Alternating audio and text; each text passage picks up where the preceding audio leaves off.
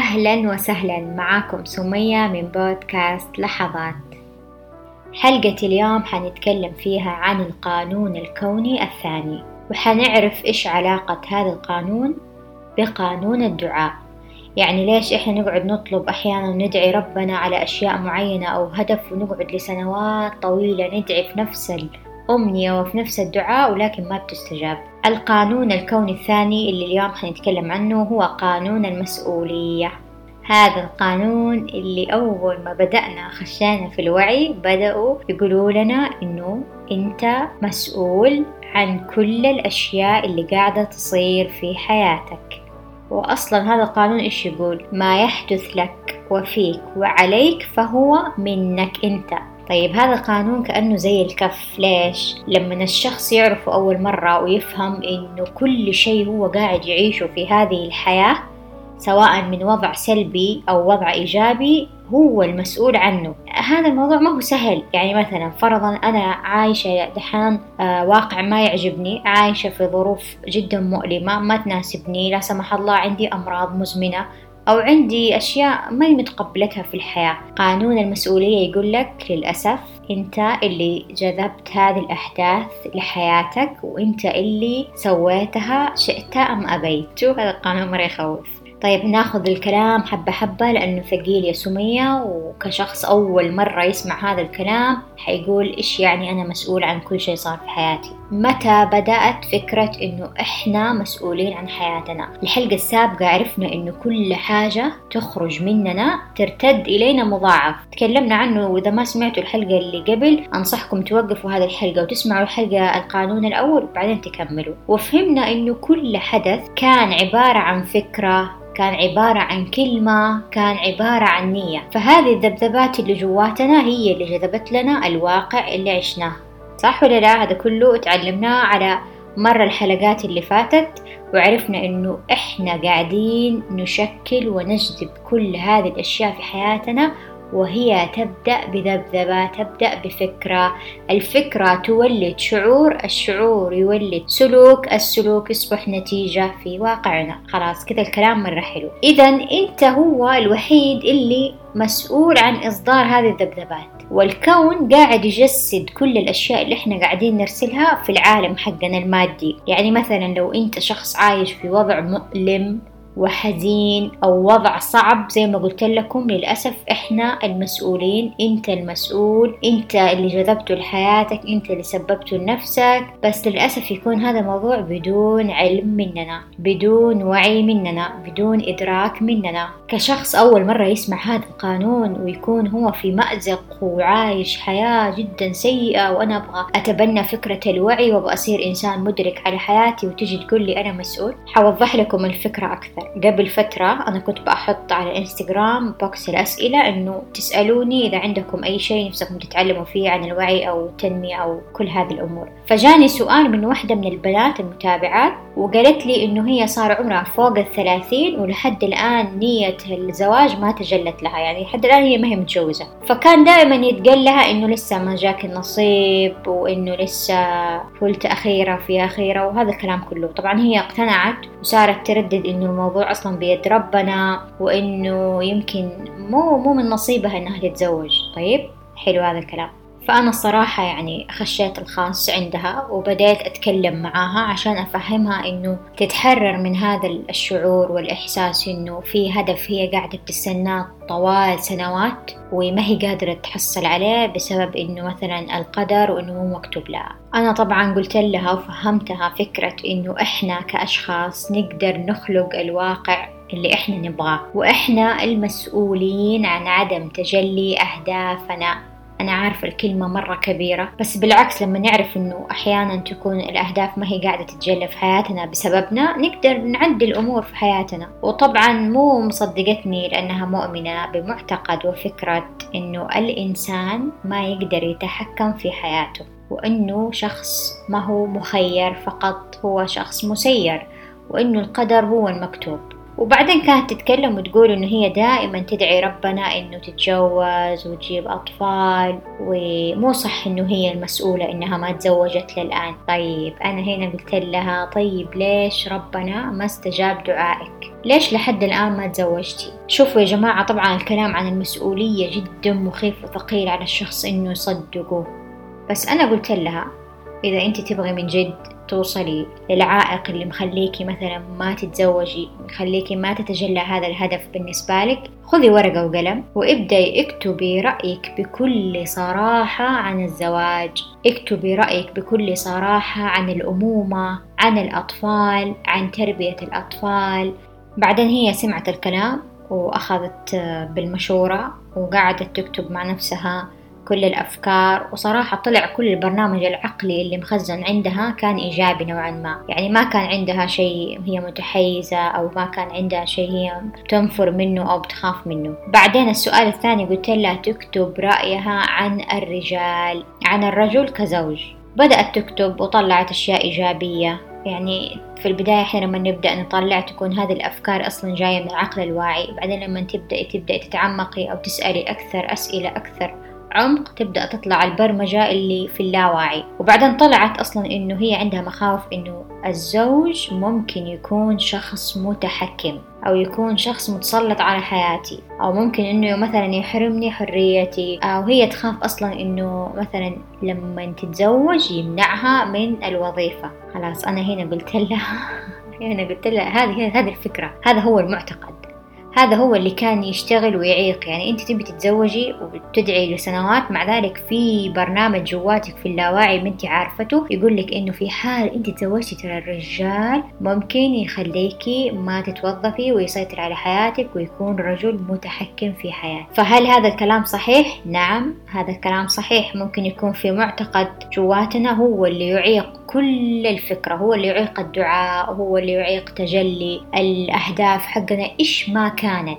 يعني هي قاعدة تدعي سنوات وكانت بتعتقد إنه ربنا ما كتب لها وبتشوف مثلا أخواتها صحباتها قرايبها كلهم يتزوجوا إلا هي لأنه ربي ما كتب لها. هذا الشيء صراحة مرة صعب. خلاص هي دحين عرفت إنه هذا المعتقد اللي آه، موجود عندها في اللاواعي هو اللي مخرب عليها كل الخطة دحين إيش تسوي؟ أنا قلت لها صراحة تجيب ورقة وقلم تانية. طبعا أنا لازم أحب الورقة والقلم وتقعد تكتب كل المواصفات تكتب قائمة بكل مواصفات الزوج اللي تبغاه.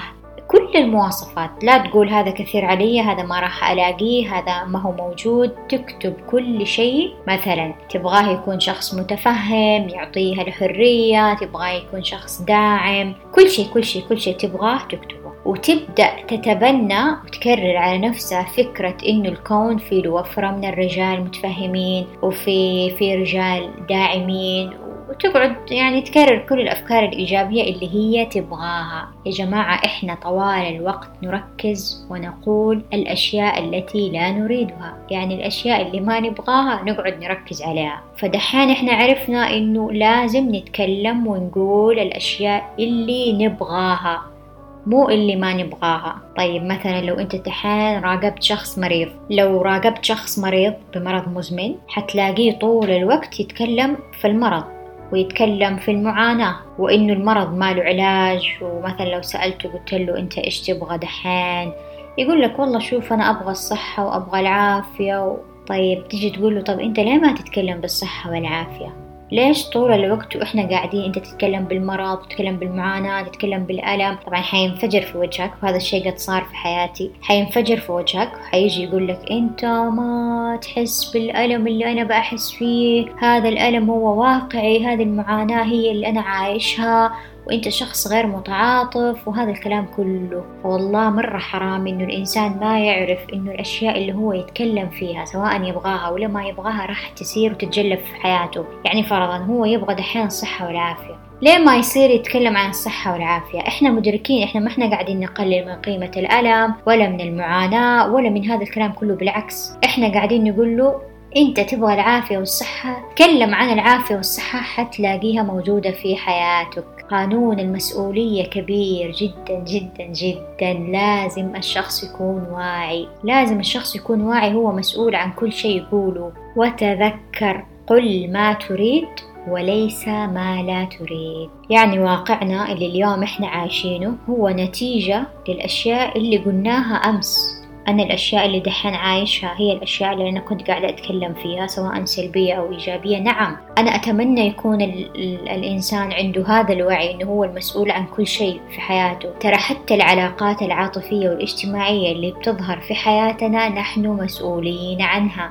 أنت سمعتوا من قبل جملة إنه كل شخص يظهر في حياتك سواء كان علاقة طويلة أو كانت علاقة مؤقتة هي مراية هذه العلاقة مراية لنا. هي انعكاس لما في داخلنا. هذه الجملة صحيحة. كل شيء يحصل في حياتنا هو انعكاس لوعينا. من مواقف من علاقات من ظروف من أحداث. فكل شيء كذا برا إحنا قاعدين نعيشه هو انعكاس لما يحدث جواتنا. طيب إيش علاقة قانون المسؤولية والأهداف؟ طيب هذا الكلام هنا نوقف ونقول هل إحنا أشخاص مسؤولون عن إنجاز أهدافنا؟ يعني هل إحنا مسؤولين أصلا إنه فشلنا وما أنجزنا هذا الهدف؟ نعم نعم نعم إحنا المسؤولين بس طبعا إحنا ما نقدر دحين نفهم المسألة هذه من أول مرة لو أنت مثلا شخص ما كنت من جد متصل مع نفسك وما كنت شخص جاد وصادق وواعي مع نفسك بمعنى إنه يعني أنا أنا كيف أنا مسؤول إنه هذا الهدف ما ما حققته. أو أنا المسؤول إنه أنا فشلت. ما هو في الكون في أشياء مرة كثيرة. يعني إحنا لو نجي نفصل قانون الذبذبات يعني أنتوا دحين أكيد في أحد منكم يسمعني حيجي يقول طيب دام الكون فيه له ذبذبات فيه إيجابي فيه له سلبي وفي أشياء ذبذبات تجيني من الغير مثلا من البيئة في ذبذبات من المجتمع من الأهل مثلا من زوجتي من زوجي من صحباتي و و يعني أنا ماني المسؤول الكامل عن هذا هذا الموضوع كله. يعني يمكن تكون جتني ذبذبات من كل مكان وبعدين تجلت في الواقع لأنه أنا ضمن هذا الكون. أقول لك صح كلامك صح حقيقي فعلا. فعلا إحنا نقدر توصلنا هذه الذبذبات من كل الناس. عشان كذا إحنا نقول لما تقعدوا مع مجموعة كويسة مع مجموعة طيبة مع مجموعة إيجابية ينعكس هذا الشيء عليكم. ولما تقعد مع شخص سلبي مع عائلة سلبية مع بيئة محبطة ينعكس هذا الشيء عليك. هذا فعلا صحيح. طيب معناته حتى الأشياء الإيجابية اللي قاعدة دحين تتجلى في عالمك ما هي منك. لو إحنا فرضنا إنه هذا قانون ساري على الكل يعني الأشياء الحلوة اللي صارت لك في حياتك مو أنت اللي جذبتها. جاتك من البيئة اللي حوالينك جاك من أفكار أصحابك من زوجتك من زوجك وهذا الكلام. هذا الكلام صحيح. في قانون الذبذبات نعم صحيح. كل شيء يتأثر يأثر في كل شيء هذا صحيح. بس اللي ما هو صحيح أو أنت ما أنت فاهمه إنه أنت اللي سمحت وأنت برضو المسؤول لأنه أنت هيأت نفسك إنك تكون مستقبل لهذه الذبذبات. يعني مثلا أنت عندك التلفزيون وعندك الراديو. مليان مليان قنوات إيجابية وسلبية وأشياء آه، مثلا أخبار ما هي حلوة سلبية وحروب وفيها أشياء تضحك وكوميديا. طيب هل أنت اللي تختار إيش القناة اللي تظهر عندك ولا هي تظهر فجأة؟ طبعا لا. أنت اللي بتكون برمجت ووجهت هذا هذا القناة عشان إنها توصل في جهازك. سو so, نفس الفكرة. في الأخير أنت الشخص المسؤول عن استقبال هذه الذبذبات. يعني أنت سمحت. يعني أنت بجهلك هذا بعدم إدراكك. إنه أنت تكون مستقبل من كل اللي حواليك. أنت كذا استقبلت بدون إدراك بدون وعي منك وتجلى في عالمك. هذا صحيح. لكن لما تكون دحين واعي وفاهم إنه أنت عندك المقدرة إنك تضبط هذه القناة ولا ما تبغاها خلاص. فأنت المسؤول. فقانون المسؤولية ترى ما نقدر نشرد منه. يعني سواء قعدنا نفصل فيه في المنطق وجبنا القوانين الثانية لأنه هو الأساس. لأنه فعلا هو الأساس. طيب في قانون فرعي؟ فرعي من قانون المسؤولية هو قانون الدعاء. وشعاره هذا القانون يقول لك إنه ما لم يكن هناك عقبة داخلية من صنعك فكل أدعيتك وأمانيك مجابة. إيش يعني؟ شفتوا القصة اللي حكيناها أول آه، عن صاحبتنا وقلنا إنه كانت العقبة في حياتها أو كان الشيء اللي معيق في الدعاء حقها إنه هي كانت عندها فكرة أو معتقد وهذا الكلام. فهم فهم يتكلموا في هذا القانون إنه لو أنت ما كانت عندك عقبة أو أو شيء داخلي من صنعك أنت هو اللي يعيقك عن تحقيق أمانيك ولا كانت كل الأدعية والأماني والأشياء اللي تسألها ربنا تحققت لك. فهذا التفسير ترى مرة منطقي إنه ليش في أشخاص يقعدوا آه، يدعوا يدعوا إنه ربنا ليه ما يستجيب لهم؟ هل ربنا جايبهم عشان يعذبهم؟ جايبهم عشان ما يبغى يستجيب دعائهم لا مو هي الفكرة كذا. في معيقات مثلا في أشخاص بيدعوا وتكون هذا الدعاء وهذه الأمنية مخالفة لحقيقة الشخص. كيف يعني؟ مثلا لو في شخص قاعد طوال سنوات يتمنى إنه يصير غني ويصير عنده فلوس ويبغى فلوس وبس هو فقير فقير فقير ما عنده ولا أي شيء من الأشياء اللي بيدعيها. لما تيجي تقعد معاه تلاقي إنه هو في العمق أصلا عنده معتقدات عن الناس الأغنياء مرة كثيرة. يعني يعتقد إنه الأشخاص الأغنياء ما هم ما هم سعيدين وإنه الأغنياء فلوسهم جاية من أشياء ما هي كويسة ويعتقد إنه ربي معطيهم الفلوس بس ماخذ منهم السعادة أو الصحة. مثلا في أشخاص عندهم معيق إنه الأغنياء أصلا ما هم مرتاحين وإنهم مثلا أنانيين وظالمين. طب كيف ممكن تتجلى هذه الأمنية أو هذا الدعاء؟ أو كيف ممكن يتحقق هذا الهدف؟ وأنا من جواتي في معيق. هذا الشيء ما يعني يتعارض مع الحقيقة يعني. فهذا يخالف. فهذا واحدة من أسباب إنه أصلا الهدف ما يتجلى. يعني مثلا لو أنت عندك مثلا آه، أرض قاعد تزرعها. وجبت بذور وحطيت مثلا بذور إيش نقول طماطم. وقعدت تهتم فيها وسويت لها السماد تسقيها وزي كذا. وبس قعدت تدعي يا ربنا يا رب يرزقني بمحصول فلفل. يا رب أنا أبغى محصول فلفل. طب هل راح يستجاب الدعاء؟ طبعا لا. الدعاء مخالف لحقيقة الشيء الموجود في التربة. يعني الشيء الموجود في التربة أنت حطيت طماطم تبغى يطلع لك فلفل كيف؟ فأصلا يخالف يعني الدعاء يخالف آه، قانون الحقيقة. أو الكينونة أو الشيء اللي هو عليه. ويخالف أصلا قانون الحصاد الحصاد إيش يقول؟ ما تزرعه تحصده. يعني أنا أنا زرعت طماطم حيطلع لي طماطم ما حيطلع لي فلفل.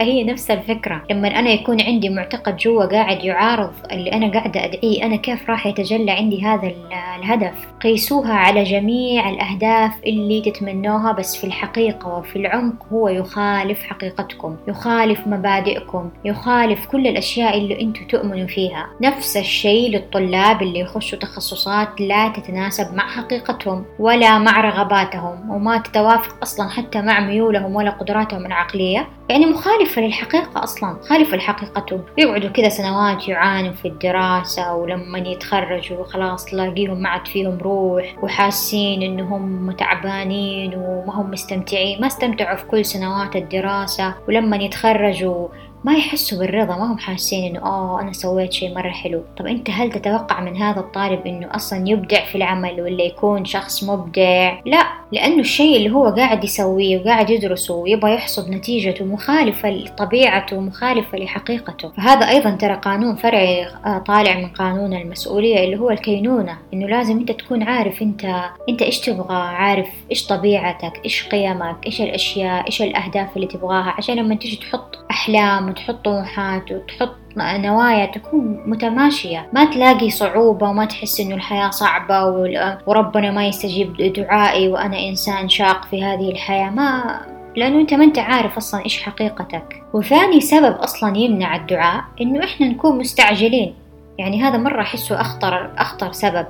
لأنه إحنا دحين حطينا النية أو حطيت أنا دحين هدف خلاص. أنا دحين متوكلة وأنسى موضوع إنه متى متى متى حتتجلى. أحط الخطة أمشي عليها أسوي العمل والكون قاعد يرتب لي. لازم يكون عندنا هذا الإيمان واليقين إنه أنا حطيت هذه النية أنا دعيت ربنا أنا أخذت بالأسباب أنا مشيت حتتجلى في حياتي. يعني في مقولة أنا مرة أحبها وكنت دائما أقولها لكل أحد أشوفه لما يقول أنا في شيء تأخر علي أنا أقول له كل شيء في وقته حلو. الأشياء حتجي حتجيلك والأهداف حتجيلك وكل الفرص حتجيك لما تكون مستعد وحتجيك في الوقت المناسب. ما في حاجة اسمها والله جاني متأخر والله فاتني الموضوع والله كان نفسي في هذا الشيء وراح علي والفرصة طارت فاتني القطار. هذه الأشياء كلها غير موجودة. غير موجودة حتى في قوانين الكون ما هو موجود هذا الشيء. الشيء اللي موجود أنت حط النية شوف هل هي تتماشى مع كينونتك وحقيقتك. سوي لها خطوات امشي عليها وسوف تصل في الوقت المناسب. ثالث سبب طبعا هذا السبب لقيته عند كل الناس اللي هو الشك. يعني يسووا يدعوا ويسووا أماني ويحطوا نوايا ولكن في جواتهم شك وشعور إن هم أصلا ما يستحقوا. فما أعرف إحنا كمسلمين ليش نقعد ندعي وإحنا جواتنا شك إنه أنا ما أستحق هذا هذا الشيء. طبعا هذا الشيء إحنا بنسويه بدون قصد وبدون وعي مننا والموضوع ترى مخيف لأنه لأنه هذا المعتقد ترى مزروع مزروع فينا من طفولتنا. فكرة إنه أنا لا أستحق. طبعا تيجي بعدة معاني مثلا كيف تظهر؟ تظهر على شكل الزهد. بس هي تكون وراها ترى فكرة سلبية اتعلمناها في الطفولة. ولاحظوا أشخاص يعتقدوا إنه لما يكونوا زاهدين يكونوا يعني هم الأفضل أو يكون هذا الشيء أكثر روحانية. وفي شكل آخر تظهر عليه هذه يعني الشك والشعور إنهم ما يستحقوا. إنه مثلا أنا أبغى هذا الشيء بس مين أنا أصلا عشان آه، يعني أحصل هذا الشيء؟ هذا الشيء مدمر. هذا الشيء بسبب جهل الإنسان إنه فعلا قادر يحصل على كل الأشياء اللي يبغاها. زي ما فلان قدر يجذب هذا الهدف ترى أنا أقدر. كيف يعني أنا أبغى هذا الشيء بس أنا مين عشان أستحق هذا الشيء؟ ممكن تظهر برضو هذه الأشياء إنه الإنسان يكون حاسس بقلة استحقاق أو عدم استحقاق أصلا. إنه أنا أبغى هذا الشيء بس أو ما حقدر ألاقيه إلا لو تنازلت مثلا عن ثوابت مهمة في حياتي عن دين عن أخلاق عن أهل. لا هذا الشك وعدم الشعور بالاستحقاق قاعد يدمر الناس وتحت مغلفات ومسميات. والسبب الرئيسي عدم وعي الشخص. يعني الإنسان يكون ما هو واعي ما هو عارف إنه عنده عدة طرق إنه في احتمالات في فرص يقدر يخلقها يقدر يحقق منها هذا الحلم يقدر بدون معاناة بدون معاناة بدون يعني بدون أي أي إحساس إنه أنا حياتي شاقة. طيب يا سمية أنا كيف أعرف إنه عندي معيق في داخلي قاعد يمنع هذا الهدف؟ لما تلاقي إنه عندك حلم أو عندك هدف لسنوات تبغاه وإلى الآن أنت واقف كذا في نقطة ما هي قاعدة تتغير. هذا هذا أول علامة. العلامة الثانية لما تحس أو في في في خطأ في القصة. في شيء في الموضوع ما هو ظابط بس أنت ما أنت عارف إيش هو يعني ما أنت مستمتع هنا هذه ثاني علامة ثالث علامة لما تحس إنه أنت قاعد تأخذ بالأسباب وتحاول جميع الاحتمالات. وتلاقي نفسك تسير في مسار مؤلم متعب سيء معي... يعني أنت عندك معيق في داخلك لأنه هذه ترى العلامات ما مرة ما هي من علامات الحياة اليسيرة. مرة ما هي من علامات إنه إنه الإنسان يستطيع إنه يصنع أي شيء، okay في تحديات في معيقات بسيطة تقدر تتغلب عليها. لما تلاقي نفسك قاعد تدور في نفس النقطة لسنوات وتتكرر معناته هنا stop أنت عندك معيق بداخلك لازم تطلعه عشان تقدر تفهم ليش أنا هذا الهدف ما هو قاعد يتجلى. في تمرين مرة بسيط بس يحتاج له صبر للأشخاص اللي من جد نفسهم يطلعوا هذه المعيقات. اقعدوا في مكان مرة هادي واقعدوا آه، ركزوا على التنفس. أول ما تبدأوا توصلوا لحالة استرخاء تذكروا هذا الهدف. يعني قولوا مثلا مثلا قولي إيش ما كان الهدف حقك؟ وظيفة زواج هجرة أطفال إيش ما كان. اذكري اسم هذا الهدف وقولي إنه في في عقبة أو في شيء جواتي ممكن تكون أفكاري ممكن تكون معتقداتي. أنا ماني عارف إيش هو وأبغى أعرف إيش هو. وخلاص أنت اقعدي دحين بهدوء. أنت أرسلتي السؤال هذا للكون. خذي فترة هدوء راقبي أفكارك راقبي التنفس حقك. أول فكرة تطلع في بالك هي هذه العقبة. لو من أول مرة ما عرفتي حاول أو حاول إنك تجرب أكثر من مرة. لازم تكون مسترخي لازم تكون مركز وواعي في أفكارك. كرر الموضوع لازم تكون إنسان صبور وتشوف وتناقش أي فكرة جتك لو في فكرة أول ما سألت هذا السؤال بدأت تداهم بدأت هي عندها هذه القوة بدأت تقول لك إنه لا أنت المفروض ما تكون كذا أو, أو لو أنت صرتي كذا أنا خايفة مثلا أصير. يعني هي الأفكار عادة المعيقة تكون خلفها خوف أصلا كل أفكارنا. هنا تبدأ تراقب بهدوء تبدأ تمسكي هذه الفكرة تناقشيها تبدأ تسألي الأسئلة اللي أنا أحبها. ليش؟ متى؟ فين؟ وين؟ مين؟ لمتى حنقعد كذا؟ لما تبدأوا تسألوا. طبعا هذه الأسئلة أنا أسويها في الكوتشنج عشان كذا مرة أحبها بس أنتوا لو تبغوا تسووها مع نفسكم تقدروا. تبدأي تتناقشي وتحللي وتفككي هذا هذه الفكرة وهذا المعتقد لما توصلي إلى الجذر. هل هي كانت صدمة من الطفولة؟ هل هي كانت بسبب كلمة؟ هل هي كانت بسبب تجربة سابقة؟ خلاص لما تبدأي توصلي لهذه الإجابات وتكتشفي تبدأي الآن تجيبي فكرة مخالفة لها تكون إيجابية وتبدأ تكرريها وتزرعيها في عقلك. يعني هي الفكرة جدا سهلة. نكتشف هذا المعيق. طبعا هو غالبا حيكون خوف وسلبي. نبدأ نحلله نعرف من فين جاء نكون واعيين فيه. نجيب فكرة نقيضة له بس تكون إيجابية نحاول نزرعها في عقلنا نكررها نكررها نكررها. وتعالوا شوفوا كيف حياتكم حتصير. وتعالوا عندي وقولوا لي أنا من جد كان عندي هذا الهدف كان معيق.